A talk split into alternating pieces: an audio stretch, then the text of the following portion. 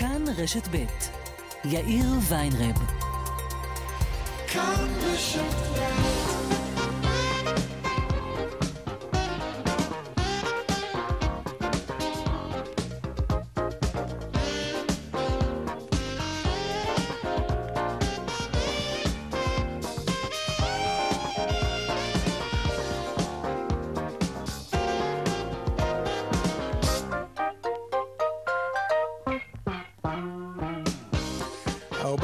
ב' ועוד כמעט שש דקות כאן צבע הכסף ברשת ב', שלום לכם, רונן פולק הוא עורך התוכנית בהפקה יעל קטנה שקד, על הביצוע הטכני יוראי פיקר.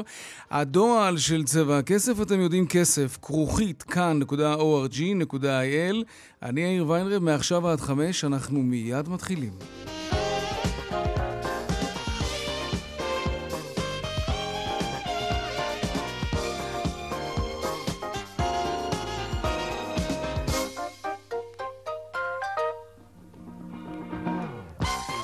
עוד לפני הכלכלה אנחנו לצפון בעוד יום מתוח שם, יום של הסלמה. רובי אמרשלה, כתבנו שם, שלום. שלום יאיר, כן, זה יום של לא מעט אזעקות, זה החל כבר בשעות הבוקר המוקדמות עם כטב"ם שהפעיל אזעקות אה, בכמה יישובים באזור קריית שמונה, הוא יורד מעל אזור הגושרים שדה נחמיה, ללא נפגעים בגוף, ללא נזקים, ובקריית שמונה נשמעו היום אזעקות שוב ושוב, נורו כמה מטחים, קרוב לעשר רקטות כולן נפלו בשטחים פתוחים, חלקן גרמו נזק לציוד חקלאי, צה"ל הגיב בירי ארטילרי, ובדקות האחרונות הופעלה אזעקה במנרה. זו הייתה נפילה אחת לפחות בתוך אה, שטח פתוח, אה, שטח חקלאי, באזור היישוב, לא היו נפגעים בגוף, ובמהלך היום הזה הותרו שרידים של כטב"ם מאירועי סוף השבוע בתוך קריית שמונה. ובמהלך היום גם חוסלו שני אנשי חיזבאללה שהיו במשאית בגבול סוריה-לבנון. ישראל כמובן לא נטלה אחריות על האירוע הזה. כך נראה היום ה-142 ללחימה כאן בצפון. רובי אמרשלג, תודה רבה. והנה ראש עיריית קריית שמונה, שטרן לפני זמן קצר, הנה. התראות עולות מיום ליום, ככל הנראה הצד השני מסלים בצעדיו, אין טעם לקחת סיכונים מיותרים. מי שעוד בעיר, זה הזמן להתקשר ולעזוב ולא לקחת סיכון מיותר. דובר צה"ל הודיע כי סמל עוז דניאל, בן 19, מכפר סבא, לוחם בגדוד 77, הוצבע צער מגולן, מוגדר חלל צה"ל, חטוף בידי ארגון טרור, ארגון חמאס. שלום כרמלה מנשה. שלום יאיר, כן, סמל עוז דניאל נפל בקרב ב-7 באוקטובר. הרב הצבאי הראשי קבע את מותו לאחר בחינה של כלל הממצאים. ועל בסיס מידע מהימן, הממצאים שאותרו מאפשרים על פי ההלכה להביאו לקבורה, אה, להביא לקבורה את החלל. בימים האחרונים כאמור אותרו ממצאים שמאפשרים לקבוע את מותו. המשפחה קיבלה את ההודעה ואף תתקיים הלוויה מחר בשעה שתיים בצהריים בבית העלמין הצבאי בכפר סבא. חייל שירת בגבול רצועת עזה ונחטף עם חבריו לטנק. כרמלה מנשה, פרשניתנו הצבאית, תודה רבה. תודה. עכשיו כלכלה.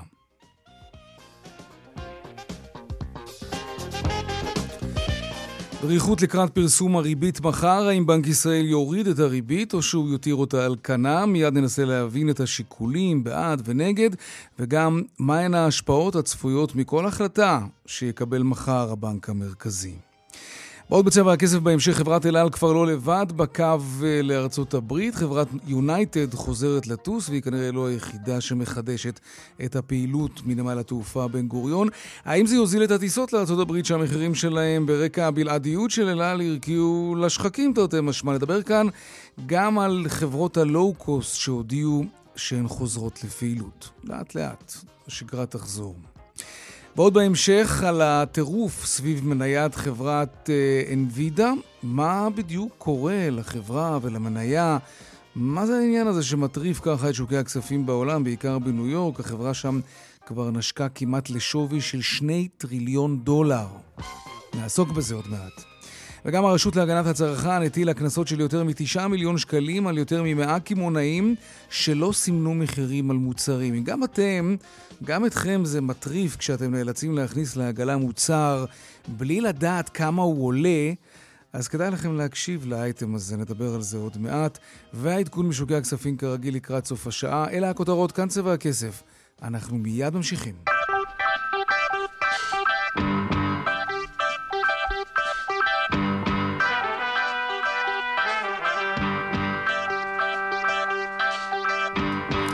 טוב, אז ההחלטה על הריבית מתקרבת, זה יקרה מחר. האם בנק ישראל ימשיך להפחית את שיעור הריבית, או שהניסוי בחודש שעבר ייקח אותו למקום אחר? מי יודע?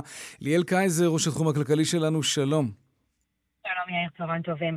כן. אה, כן, סימן שאלה גדול, מחר ב-4:00 ההחלטה של הוועדה המוניטרית של בנק ישראל להודיע האם אה, בעצם בפעם השנייה ברציפות מאז שהחלה המלחמה, אה, הוועדה בראשות הנגיד, פרופסור אמיר ירון, תחליט להוריד את הריבית שוב, או אולי להותיר אותה במקומה, כשנגיד הדעות בעניין הזה, אה, יאיר, חלוקות גם בקרב הכלכלנים הבכירים ביותר, אה, יש דעות לכאן ולכאן, הצדקות להורדה נוספת של הריבית והצדקות אה, להותיר אותה על כנה הפעם. ונזכיר, אנחנו הגענו בעצם למלחמה עם ריבית אה, הגבוהה ביותר שהייתה כאן בערך שני עשורים, 4% ושלושת רבעי. בהחלטה הראשונה לאחר המלחמה בבנק החליטו אתה יודע, להחזיק חזק, לחכות ולראות מה תעשה המלחמה לכלכלה שלנו, ולא להוריד את הריבית, אבל ב-1 בינואר בהחלטת הריבית הקודמת בבנק ישראל הורידו את הריבית מ-4% ושלושת רבעי ל-4.5%, ועכשיו השאלה אם תהיה הורדה נוספת, כשמצד אחד אנחנו...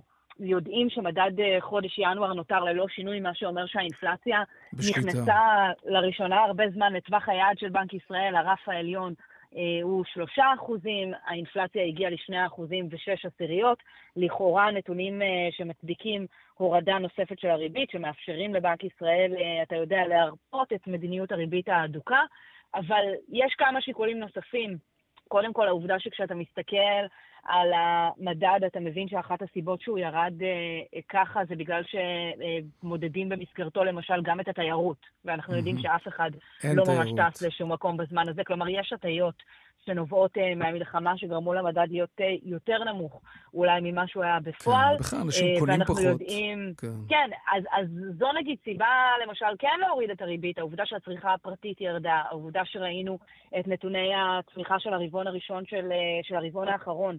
סליחה, של רבעון המלחמה הראשון, הרבעון האחרון של כן, 2023, כן. שהלמ"ס פרסמה לאחרונה, שמראה על התכווצות של הכלכלה שלנו ב-20% בהסתכלות שנתית, כלומר זו כבר סיבה להוריד את הריבית ובאמת לעודד אנשים אה, לצרוך ולעודד אה, פעילות כלכלית אה, משמעותית יותר. מהצד השני, חשש בבנק ישראל אה, מחוסר הוודאות המאוד גדול שעדיין נותר איתנו, גם בהיבט הריאלי של המלחמה, אבל גם בהיבטים... אה, אה, של השאלה מה תעשינה חברות דירוג האשראי האחרות שצפויות לקבל החלטות בענייננו, נכון. אחרי שמודי'ס הוריד את הדירוג שלנו, אה, ובכלל אה, סימני שאלה גדולים מאוד לאן הכלכלה נכון. שלנו הולכת בעקבות המלחמה. בשורה התחתונה, מחר ב-4.00 החלטת הריבית של בנק ישראל, יותר הערכות, יותר המעריכים שהבנק יוריד שוב את הריבית מאלה שמעריכים, כן. שזה לא מה שיקרה, אבל בכנות אני אישית לא, לא מתנבאת בשלב הזה. גם אני לא, אבל נשתמע כאן מחר באותה שעה. תודה, ליאל קייזר, תודה, ראש התחום הכלכלי שלנו, ושלום לכלכלן אלס, אלכס זבז'ינסקי, שלום לך. שלום. כלכלן אה, ראשי בבית ההשקעות מיטב. אתם בסקירה שלכם מעריכים שהמגמה הזאת תימשך, מגמת הורדת הריבית. מחר אתם מעריכים זה ירד ברבע אחוז. נכון. אני חושב ש... רוב השיקולים באמת תומכים בהורדת ריבית. קודם כל, אינפלציה בתוך היד, ואם אנחנו מסתכלים על חודשים האחרונים, היא עוד יותר נמוכה, mm-hmm. אם אנחנו לוקחים קצב בחודשים האחרונים. המשק נמצא, רק עכשיו דיברתם על הצמיחה, ואני אוסיף לזה ואני אגיד, עוד לפני המלחמה, בכל הרבעונים של 2023, מתחילת השנה, הצריכה לנפש בישראל ירדה, זה דבר מאוד נדיר, אני חושב שלא היה כזה דבר 20 שנה. אז אנחנו עוד לפני המלחמה היינו במצב של צריכה לנפש מתכווצת.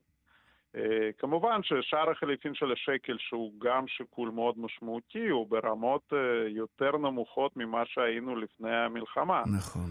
אה, ואם נוסיף לזה גם מצב של שוק הנדל"ן ומצב של שוק האשראי, אה, אני חושב שרוב הסיבות אמורות לתמוך בהורדה. כי המשק צריך אולי קצת חמצן, שנוזיל את הכסף ונעודד את הפעילות. אבל מצד שני, אה, ככל הנראה, יש לזה קשר למלחמה ולמצב רוח של כולנו, אנחנו צורכים פחות, נכון, זה היה גם לפני המלחמה, כפי שציינת, אבל אם, אם אנחנו מדברים על העת הזאת, אז אנשים קונים פחות, כי אין להם גם את המצב רוח לקנות עכשיו, וגם לא ברור מה ילד יום, והם... אתה יודע, לא, לא בטוח שהאינפלציה היא באמת בשליטה, אלא יכול להיות שהיא בשליטה כתוצאה מהמצב רוח הצרכני שלנו, נגדיר את זה ככה. זה, זה נכון, אנחנו באמת לא יודעים uh, מה יקרה אחרי שמלחמה תסתיים, אולי אנשים ירוצו לעשות קניות והמחירים יעלו. כמו אחרי הקורונה, כן.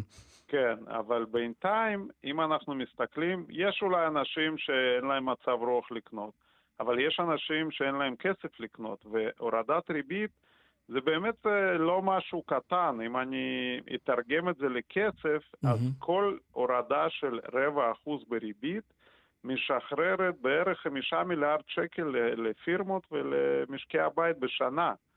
שזה, אף אחד לא יגיד שזה סכום אה, נמוך, זה סכום אה, די גדול. כן, כן, זה בנק ישראל מוריד באחוז, 20 מיליארד שקל. זה בלון משתחרר... חמצן רציני. אתה יודע, יש, יש גם, קראתי כמה פרשנויות שאומרים שבנק ישראל, לא רק שהוא יצטרך להוריד עכשיו את הריבית, אלא הוא יצטרך לעשות את זה הרבה יותר מהר אה, גם בהמשך לעומת מה שקרה בעולם, בגלל שאנחנו נמצאים במצב מאוד דומה למצב שהייתה בו ארצות הברית אחרי אה, פיגועי ה-11 בספטמבר, שזה די דומה. אתה, אתה מסכים עם ההערכה הזאת? בנק ישראל ילך צעד צעד, אבל כמובן שאין, אה, אה, יש משמעות לעשות סדרה של הורדות ריבית על פני הזמן, לא להוריד ברבע אחוז וזהו. אלא באמת להוריד ריבית באחוז, אחוז וחצי, אבל זה ייעשה בהדרגה ובמתינות, כי בנק ישראל ירצה כל פעם לבחון איך, mm-hmm. איך השווקים מגיבים, איך המשק מגיב. לפעמים, אבל צריך להגיד, בארצות הברית לדוגמה, וגם אצלנו אגב, בכניסה למשבר כלכלי מורידים ריבית גם בחצי אחוז, אפילו שלושת רבעי אחוז במכה. אבל לא נראה שבנק ישראל אה, ילך עכשיו לקצב כזה, הוא mm, באמת okay. אוקיי. רוצה להיות זהיר מאוד. הזכרת את השוק האמריקני, אתם כותבים בסקירה שלכם שיש עוד ועוד סימנים שמעידים על, אה, איך נגדיר את זה, מחנק אשראי במשק האמריקני? ת, תסביר למה בדיוק התכוונתם ואיך זה עלול להשפיע עלינו, מחנק אשראי כזה בארצות הברית. זה לא מחנק אשראי ממש, אבל אה, רואים יותר ויותר סימנים שהריבית הגבוהה עובדת. כי ב-2023 הסתכלנו על הצמיחה במשק האמריקאי, כן. אה, אני אגיד רק שבתחילת שנה או בסוף 22, הוויכוח היה בין האם זה הולך, האם משק האמריקאי הולך להיכנס למיתון קשה או פחות קשה. ובסוף קיבלנו צמיחה מאוד גבוהה של 2.5%. ואז הערכות התחלפו ואמרו, הריבית זה שום דבר, זה לא משפיע. אז זה כן משפיע. רואים ההשפעה, ההשפעה הזאת על, על האשראי. מה זה אומר שלעסקים ולאנשים פרטיים בארצות הברית קשה היום לגייס כסף כדי לעלות ברמת החיים שלהם, כדי להרחיב את העסק שלהם? זו המשמעות של זה? רואים שגם הבנקים אה, פחות מוכנים לתת אשראים, mm-hmm. וגם הלקוחות של הבנקים, אם זה פירמות ואם זה אנשים פרטיים, פחות מוכנים לקחת אשראי בריבית כל כך גבוהה. כך שזה עובד משני הכיוונים. וחוץ מזה גם רואים אה, כשלים, יותר ויותר כשלים. לדוגמה, פורסם שברבעון רביעי פיגורים באשראים של אה, משקי הבית, הלוואות צרכניות, הגיעו לרמה הגבוהה ביותר מאז 2011. זאת אומרת, הריבית הגבוהה עובדת, לוקח לה זמן, mm-hmm. אבל לאט לאט היא מתחילה להופיע איפה שהיא אמורה להופיע, האמת, בדרך כלל. אלכס זבז'ינסקי, כלכלן ראשי, בית ההשקעות מיטב, תודה רבה לך על השיחה הזאת. תודה רבה. תיירות עכשיו, יונייטד איירליינס חוזרת לארץ בשבוע הבא, זה יקרה. דלתא אה, גם הודיעה שהיא תחזור, לא בשבוע הבא, זה ייקח חודש-חודשיים. אה, אחרי חמישה חודשים יישבר סוף סוף המונופול שהיה לאל על על הקווים לארה"ב מאז פרוץ המלחמה. שרון עידן, כתבנו לענייני תעופה ותיירות, שלום. כן, שלום אה, יאיר, אנחנו בעצם רואים את האמריקאיות מתחילות לחזור, יונייטד ממש בעוד שבוע, שלושה במרץ בתל אביב לניו-יורק, האמריקן איירליינס עדיין רחוקה, כנראה בסוף אוקטובר, אבל גם דלתא צפויה לחזור ככל הנראה ב-1 במאי. מה זה עושה למחירים? תראה, אל על בעצם חמישה חודשים הייתה לבד על הקווים לארצות הברית, סדר גודל של 30 טיסות בשבוע אה, לניו יורק, בהחלט אה, השתלטה על הקו והמחירים היו בהתאם.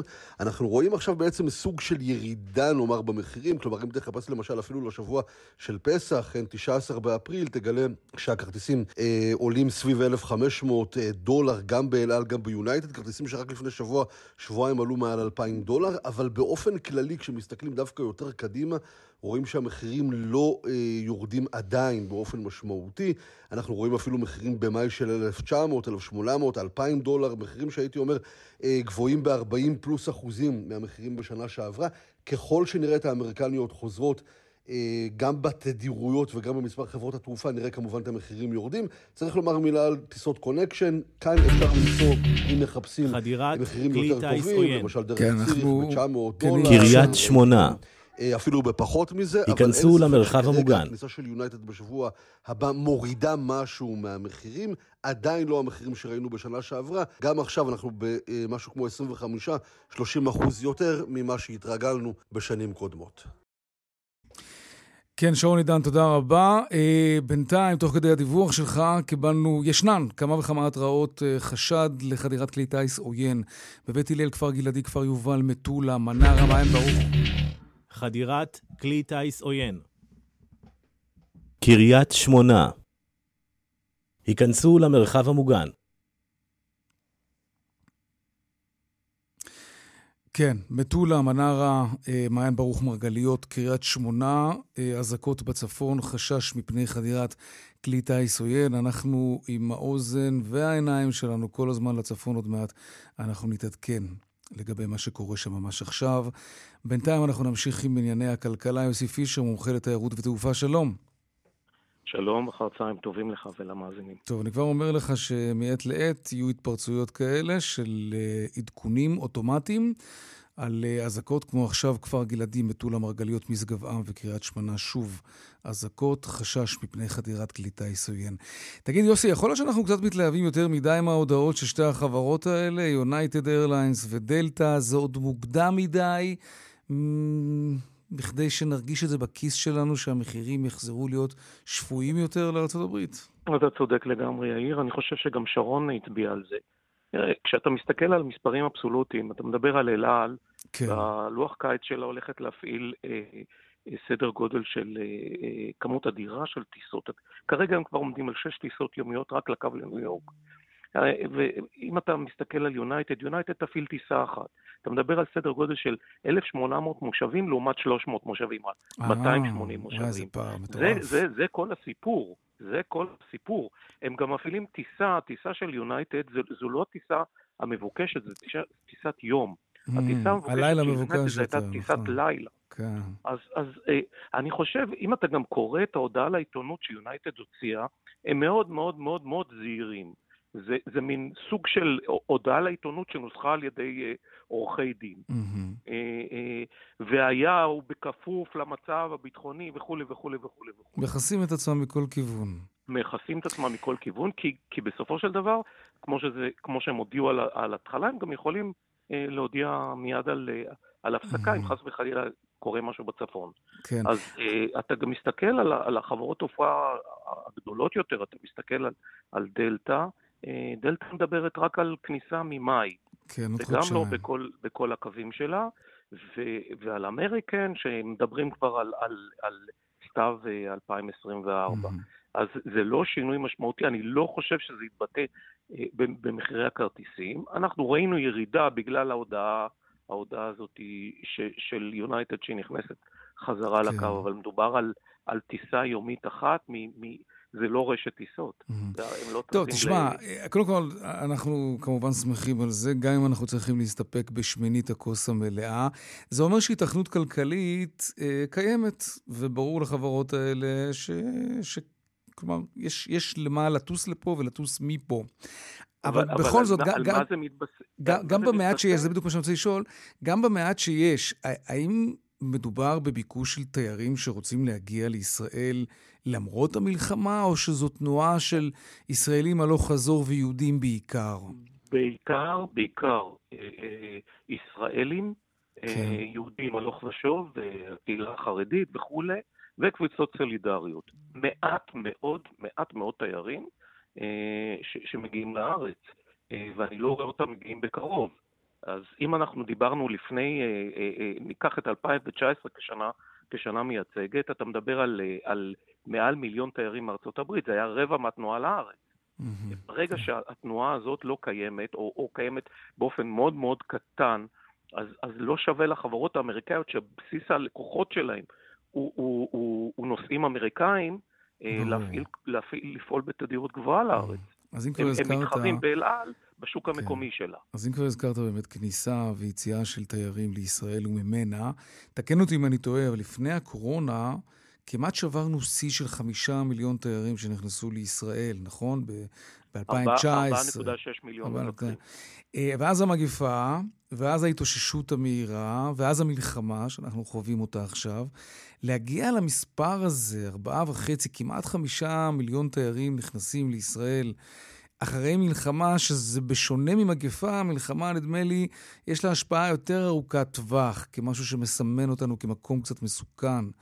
מה זה אומר על עתיד התיירות הנכנסת לארץ בשנים הקרובות? ייקח הרבה זמן לשקם אותה, למרות שהיא תשתקם בסופו של דבר, כיוון שמדובר ביעד ש, ש, שהוא יעד שהוא בראש ובראשונה יעד דתי. Mm. יעד ש, שנוצרים ברחבי העולם רוצים כן, להגיע אליו. כן, רוב התיירים שנכנסים לפה הם, הם, הם תיירים שאנחנו מעניינים אותם מבחינה תיאולוגית? לא, לא חשבתי על זה אף פעם ככה.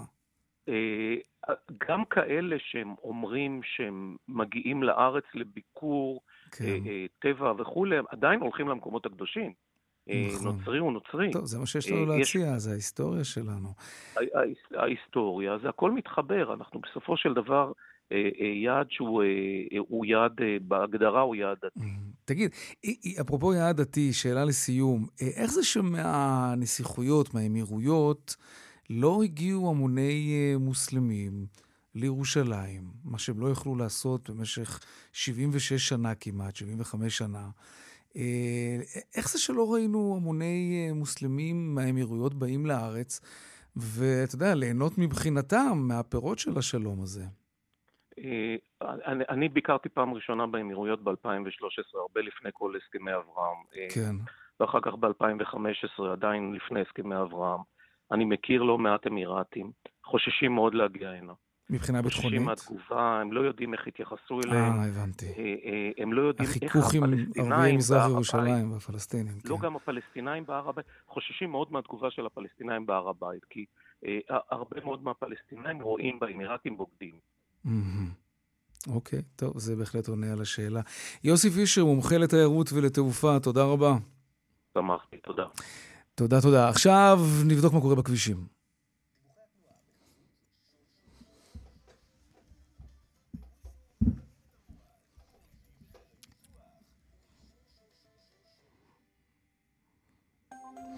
טוב, אז ככה, באיילון צפונה יש עומס ממחלף קיבוץ גלויות עד גלילות ודרומה, מרוקח עד דב הוז. בדרך שש צפונה עמוס מנשרים עד בן שמן ומקסם ועד אייל.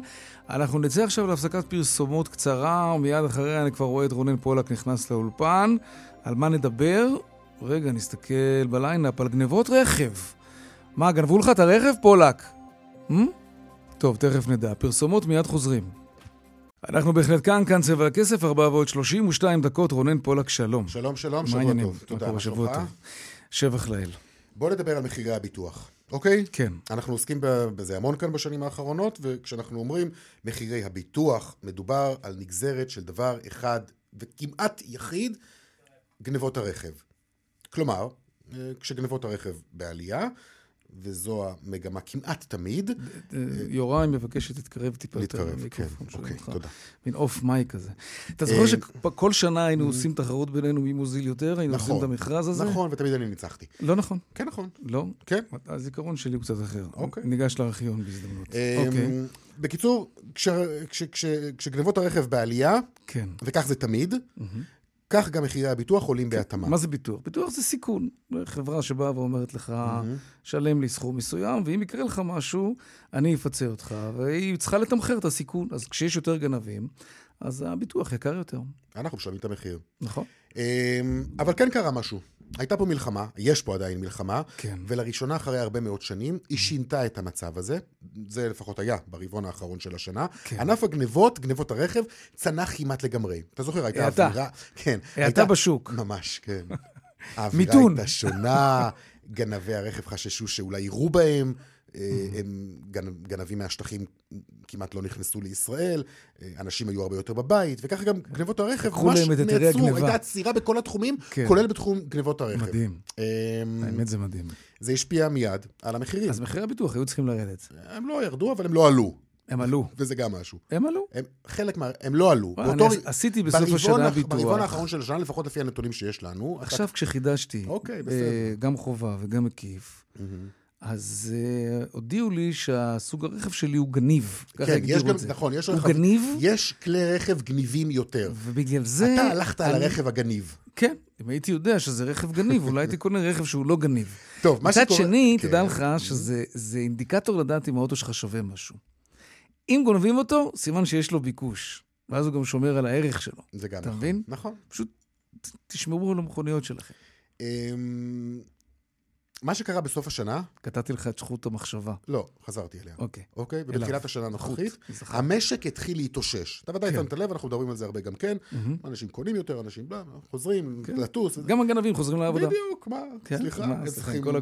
להתפרנס, לפרנס. את המשפחה, כל יש להם השכנים ילדים יוצאים להאכיל. לעבודה בבוקר, מה, הם לא יצאו? בדיוק. עכשיו, בגלל זה אנחנו רואים כבר עלייה, שהתחילה עם כ-900 גנבות בחודש ובהדרגתיות, היא ממשיכה אה, לעלות. 900 גנבות בחודש? 900 גנבות בחודש זה, זה, זה, זה טוב, זה נחשב טוב. זה נחשב טוב. היינו אוקיי. בשיא ב-1800. ב-1800, או, כן. אוקיי. עכשיו אנחנו מדברים על זה 50%. 900, ועכשיו אנחנו חוזרים בהדרגה לעלות לנתונים הרגיל, הש- השגרתיים, מה שנקרא. כן, בעזרת השם. חברת וובי עשתה בדיקה על מחירי הביטוח, אה, והיא מפרסמת כמה מהנתונים שעולים מהמדד הזה. כן. אה, קודם כל, אכן, מחירי הביטוח, אה, ביטוח הרכב חוזרים לטפס, המדד הזה עלה ב-2%. מחירי הביטוח עלו מינואר אשתקד ב-26% בממוצע. יאללה. הנה, צדקת, אתה רואה? 26 אחוזים. כן, אני הרגשתי את זה. ו...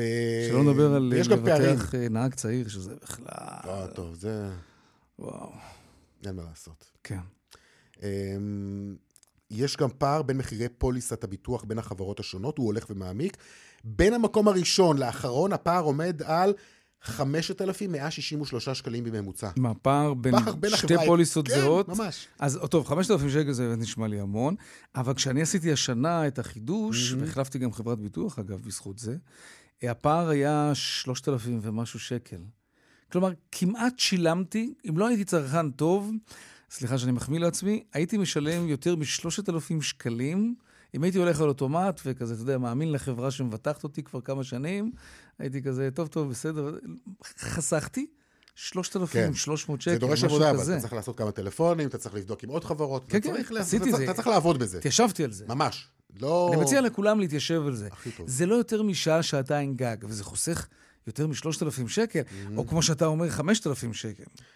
אוקיי. אה, בוא נצרף את נדב שרייבמן, הוא מנהל מחלקת המחקר והאנליזה בוובי. שלום. אהלן. אהלן, אהלן, מעניינים. אה, לא רע, חוץ מזה שהגנבים חזרו לעבוד. לגמרי. אה, הגנבים, כמו שאפשר לראות, כמו שאנחנו רואים, חזרו לעבוד בענק. אנחנו מדברים סדר גודל של עליית... אה, הם חזרו לעבוד עד, חודש ספטמבר, הם היו באזור האלפיים גנבות לחודש. רק לסבר את האוזן, אלפיים גנבות בחודש, רכב ממוצע שנגנב שווה באזור המאה אלף שקלים, אנחנו מדברים על סדר גודל של שניים וחצי מיליארד שקל פגיעה בשוק, וואו. שזה זה משמעותי, זה זה פגיעה שנתית. של שניים וחצי. עכשיו, איזה רגע, רכב זה בעיקר צריך גונבים? לומר, הנזק הזה, כביכול, הוא מושת על חברות הביטוח, אבל לא באמת, כי, כי, כי הן מגלגלות את כביכול. זה עלינו. בדיוק. עכשיו, מה קורה? קודם כל, מבחינת, אה, שמעתי את השאלה, מבחינת הרכבים שגניבים יותר, כן. אז עכשיו אנחנו מזהים שיש יותר, הרכבים הקטנים הם גניבים מאוד. זאת אומרת, ניסן מיקרה יכול להיות גניב, יונדאי i10, אה, יש עכשיו המון אה, ג'ימני, ש... שזה ג'יפון, שהוא גם מאוד מאוד גניב. עכשיו... רגע, ומה לגבי ה-SUV? ה-SUVים גם גניבים, דרך אגב, תלוי איזה. נגיד, יש את הסוזוקי שהוא פחות גניב לצורך העניין, סוזוקי crossover קצת פחות גניב. זה מאוד תלוי מעליב. ב... נ, נגיד, נגיד את זה ככה, זה מאוד תלוי בט... בטעם הצרכני. זה אומר... מה מה זאת אומרת טעם צרכני? המ- המכוניות האלה הרי עוברו- עוברות למ- למשחטות, לא? הן לא מתגלגלות לא, פתאום. אבל ככל אני שהרכב לא אראה את השכן מבוקש- שלי ככל פתאום נוסע עם שהרכב האוטו שלי. מבוקש יותר, מן הסתם הביקוש אליו גבוה יותר. לא, החלקים שלו, שלו. כן. הם- הם כולם, כולם, כל הרכבים האלה עוברים למשחטות, נכון? זה זה לא שנותנים להם זהות חדשה ומוכרים אותם במקום אחר בארץ.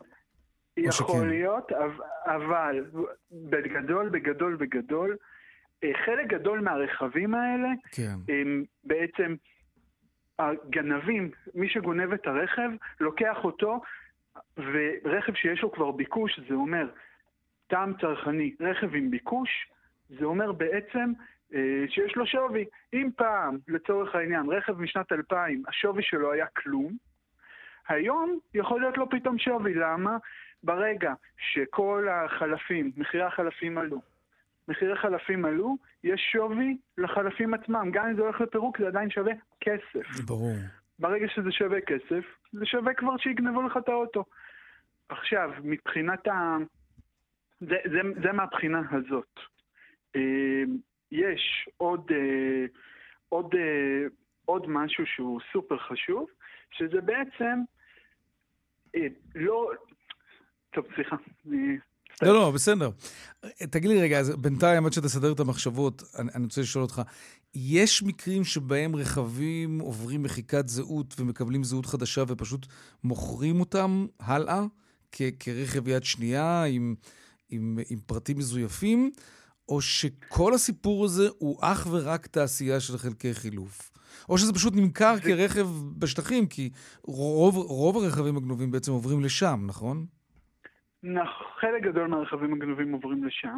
עכשיו, חשוב מאוד מאוד לשים לב שבעצם, גם אם זה רכב, מה שאמרת בעצם, שמחליפים לו במרכאות את הזהות, לא במרכאות, מחליפים לו את הזהות, אנחנו בעצם במצב שגנבו את האוטו, החליפו לו את הזהות, ובעצם אין, אה, גם, גם במצב הנוכחי, יש, אה, גם, גם במצב של החלפת זהות, זה בעצם לפי ביקוש, אוקיי? כן. כי זה בעצם צריך לגלגל את זה הלאה. לא, לא נגנוב רכב שלא יהיה מי שירצה טוב, לקנות אותו. שאלה שאני רוצה לשאול אותך לסיום, רכבים חשמליים, איפה הם נמצאים בכל הדירוג הזה? רכבים הגנבים- חשמליים... הגנב- הגנבים כבר אה, יפה. הולכים על אז- החשמליים אז- גם? אז- אז מבח- מבחינת רכבים חשמליים, חייבים לשים, צריך לראות, יש גידול מאוד משמעותי בגנבות של הרכבים החשמליים, יש... הם, אה, אזעקות בדישון ובמלכיה. אזעקות בדישון ובמלכיה. אה, סליחה, כן. אה, אזעקות אה, בעקבות ירי של רקטות וטילים. כן. אה, אוקיי. מבחינת הרכבים החשמליים. רק כן. מצטער על זה. מבחינת הרכבים החשמליים, רק יש עלייה מאוד מאוד גדולה בגנבות של הרכבים החשמליים. כמו שאמרתם קודם, חשוב מאוד להשוות, ואפשר באמת לחסוך אלפי שקלים. חברות הביטוח לוקחות חלק מהכסף, אבל הן משתיתות את זה באיזושהי צורה על הציבור, גם על ידי מיגונים, שמיגון זה אומר בעצם אה, אה, פוינטר, איתורן, כל מיני חברות כאלה, כן. וגם על ידי פרמיה. שהיא עולה. ככה אפשר לחסוך. אלפי שקלים. כן. בדיוק. נדב שרייבמן, מנהל מחלקת מחקר ואנליזה בוובי, תודה רבה על השיחה הזאת. תודה לכם. ביי. ביי. אה, רונן פולק, תודה רבה גם לך. תודה. אתה- מה שמדהים הוא שלא משנה כן. כמה תשמור על הרכב שלך, ואני מכיר את זה שאתה שם מנעולים, ואתה נועל את ההגה, ושם בריחים על. הגלגלים. מי נועל את ההגה? אתה נועל את ההגה, אני לא? לא נועל את ההגה.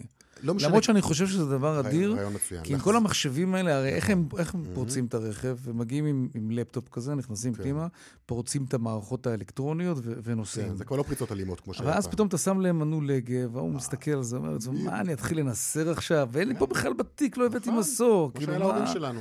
כן, לפעמים נכון. הבסיס זה הדבר... אבל מה שאני רוצה הזה. להגיד זה שבסופו כן. של דבר לא משנה כמה תשמור על הרכב שלך, הפרמיה תעלה, כי, כי ככה זה, כי, כי בשוק אנחנו רואים שהענף הזה פורח לצערנו הרב, כן. ונדרשת כאן אולי פעילות אה, בסופו של דבר אה, אה, אכיפה גבוהה יותר. שוטרים אבל עסוקים עכשיו בתקופה לא, הזאת. לא, לא, זה בסדר. אבל באופן כללי צריך כן. אכיפה גבוהה יותר בנושא הזה, כדי פחות. שאנחנו נשלם פחות, כי בסוף זה עולה למשק. רונן פולק, תודה. תודה. אה, כבישים? דיווחי תנועה? כן, יש? סבבה. יאללה. בדרך החוף צפונה יש עומס ממחלף רבין עד נתניה, ודרך תל אביב ירושלים עמוסה ממחלף ענווה עד מחלף שורש. פרסומות, ומיד אנחנו חוזרים לדבר על זה שאנחנו הולכים במכולת או בסופרמרקט, או לא משנה איפה. רוצים לקנות מוצר, ואין לנו שמץ של מושג כמה הוא עולה. למה? כי בעל המקום לא טרח להדביק מדבקה, לא על המדף, לא על המוצר. זה עולה ביוקר לאותם בעלי עסקים. כבר אנחנו נרחיב בעניין הזה. מיד חוזרים.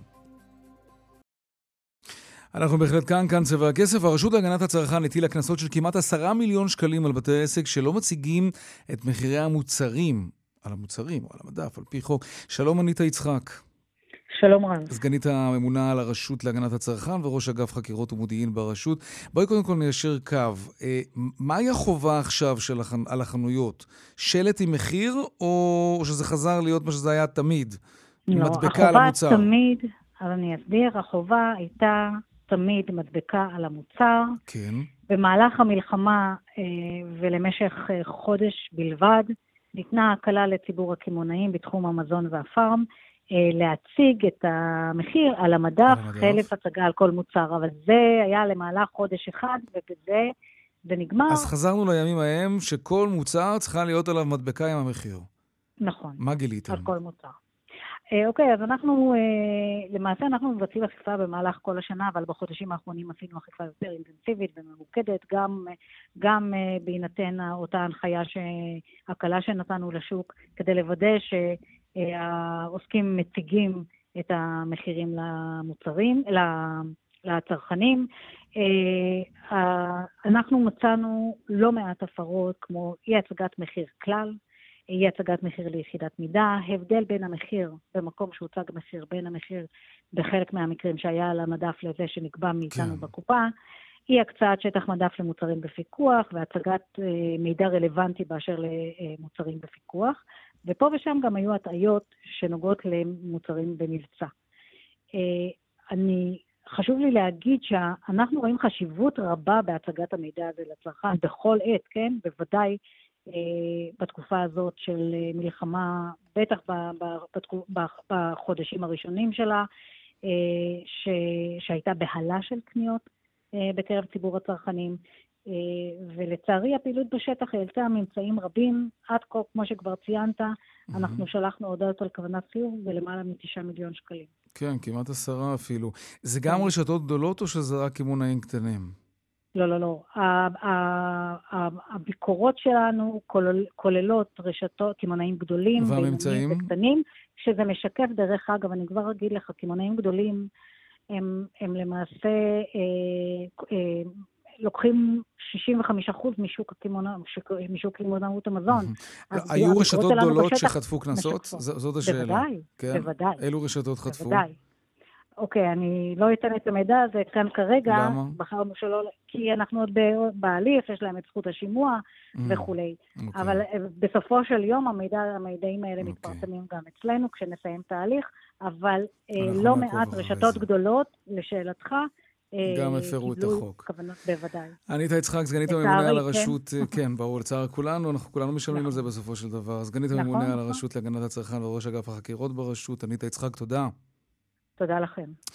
עכשיו לסיום, אנחנו רוצים לדבר על מה שמסעיר את שוקי הכספים. מה קורה בחברת NVIDIA, יצרנית השבבים האמריקנית? שלום, איתי ליפקוביץ', מנכ"ל בית ההשקעות הורייזן, אהלן. היי, שלום, מה שלומך? בסדר, מה הסיפור? שווי של כמעט כמה הם הגיעו? שני טריליון כן, דולר? כן, שווי צנום של אלפיים מיליארד דולר. כן. אפילו הצליחו ככה כבר לעבור... להמשיך לעלות למעלה, כמובן שיש עוד, להגיע לשווי של מייקרוסופט עוד, עוד טריליון דולר, עוד אלף מיליארד, אז יש עוד לאן ללכת אולי. ובכל זאת, מה הסיפור? מה...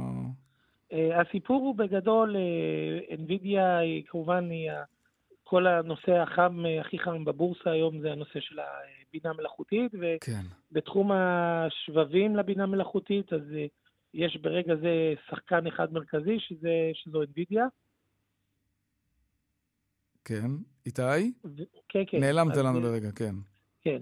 אז, אז יש שחקן מרכזי אחד שזה NVIDIA, ואתה רואה את זה אה, במספרים, ה, אה, אפשר להגיד, הזויים, שהצליחה אה, להמשיך לצמוח, mm-hmm. כי אנחנו מדברים על אה, הכנסות של 22 מיליארד דולר, שזה 22 אחוז יותר מהרבעון הקודם. שזה ו... מטורף, זו צמיחה נכון, מטורפת זה... של חברה.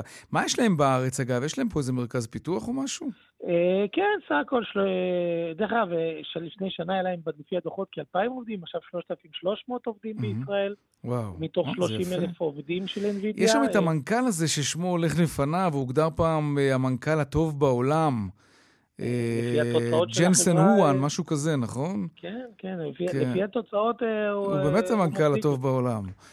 או לפחות אחד מהם. לפי התוצאות, נכון. אם אתה מסתכל על הזווית הישראלית, זה אותם 2,000 עובדים שהיו בתחילת השנה, וכמו שאני אומר, גדלו ל-3,300 עובדים לפי הדוחות, ואתה מנתח קצת את האופציות, שהרי כל עובד שם מקבל אופציות, אה, אנחנו מדברים על אה, הערכה אה, גסה של 400 ל-500 אלף דולר שכל עובד קיבל בשנים העכשווי האופציות שלו. כל, כל אחד קיבל סטנדרט. סכום כזה? עובד סטנדרטי, כן? חצי מיליון כן, דולר? כן, כן, כן. מי שנמצא שם שלוש-ארבע שנים... אנחנו מפרגנים, בהחלט. עם הרבה אוויר. כן. יפה. טוב, היה איזה יום אחד שבוע שעבר שהמניה זינקה ב-16 אחוזים. אה, עם הדוחות. כן, זה תיקן את עצמו או שזה עדיין למעלה? לא, לא, המשיך, המשיך למעלה. תסתכל, כשאתה מסתכל על ה... אה, קצת אה, על הדיבורים אחרי הדוחות, ואתה רואה לדוגמה חברה, לדוגמה כמו מקדונלד. כאילו, בוא נסתכל על משתמשת קצה, שמקדונלד מדברת על אלף סניפים שלה בארצות הברית, שהיא התחילה ניסוי של voice recognition באמצעות mm-hmm. AI. וזה רק אה, אפליקציה אחת שאתה רואה לתחום ה... כן, ואנבידיה מעורבת בכל הדבר הזה. זה, זה, זה כמו מייקרוסופט שנמצאת כמעט בכל בית בעולם. כן, מייקרוסופט אה, כן. בהחלט, אה, מייקרוסופט בעלים של, אם אתה רוצה לעשות, להחזיק כן. ותיק השקעות שלך, את כל נושא הבינה מלאכותית משתי הכיוונים, מה software וה hardware, אז software כמובן זה אה, נשמע כמו אחלה תיק, אבל אנחנו אה, נמנעים כן, מלהמליץ. איתי, אנחנו חייבים לסיים, סליחה שאני קוטע אותך. אין כל כך מה, כי הפרסומות ייכנסו עוד רגע באופן אוטומטי. איתי ליפקוביץ', מנכ"ל בית ההשקעות הורייזן, תודה רבה. תודה, תודה לך. עד כאן צבע הכסף להיום, רונן פולק הוא עורך התוכנית בהפקה יעל קטנה שקד על הביצוע הטכני יוראי פיקר, הדואל של צבע הכסף הוא כסף כרוכית כאן.org.il. אני יאיר ויינרם, מיד אחרינו אה, בנימיני וגואטה. המשך ערב טוב ושבוע טוב להתראות.